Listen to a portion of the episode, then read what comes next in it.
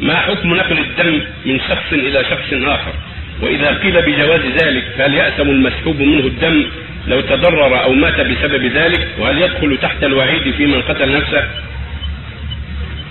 نقل الدم من شخص إلى آخر محل تفصيل.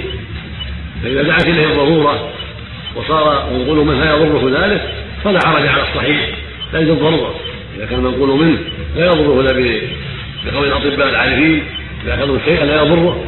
لحادث المضطر لهذا الدم الذي يجالس دمه فلا حرج في هذا إن شاء الله على قول المختار. أما إذا كان يضره فلا لا يأخذ منه. لا يضر نفسه بصحة غيره. ولكن إذا قرر الطبيب المختص بأن هذا المقدار لا يضر الشخص وهو يحتاج يضطر إليه هذا المريض فلا حرج في ذلك من باب الايثار ومن باب الإحسان.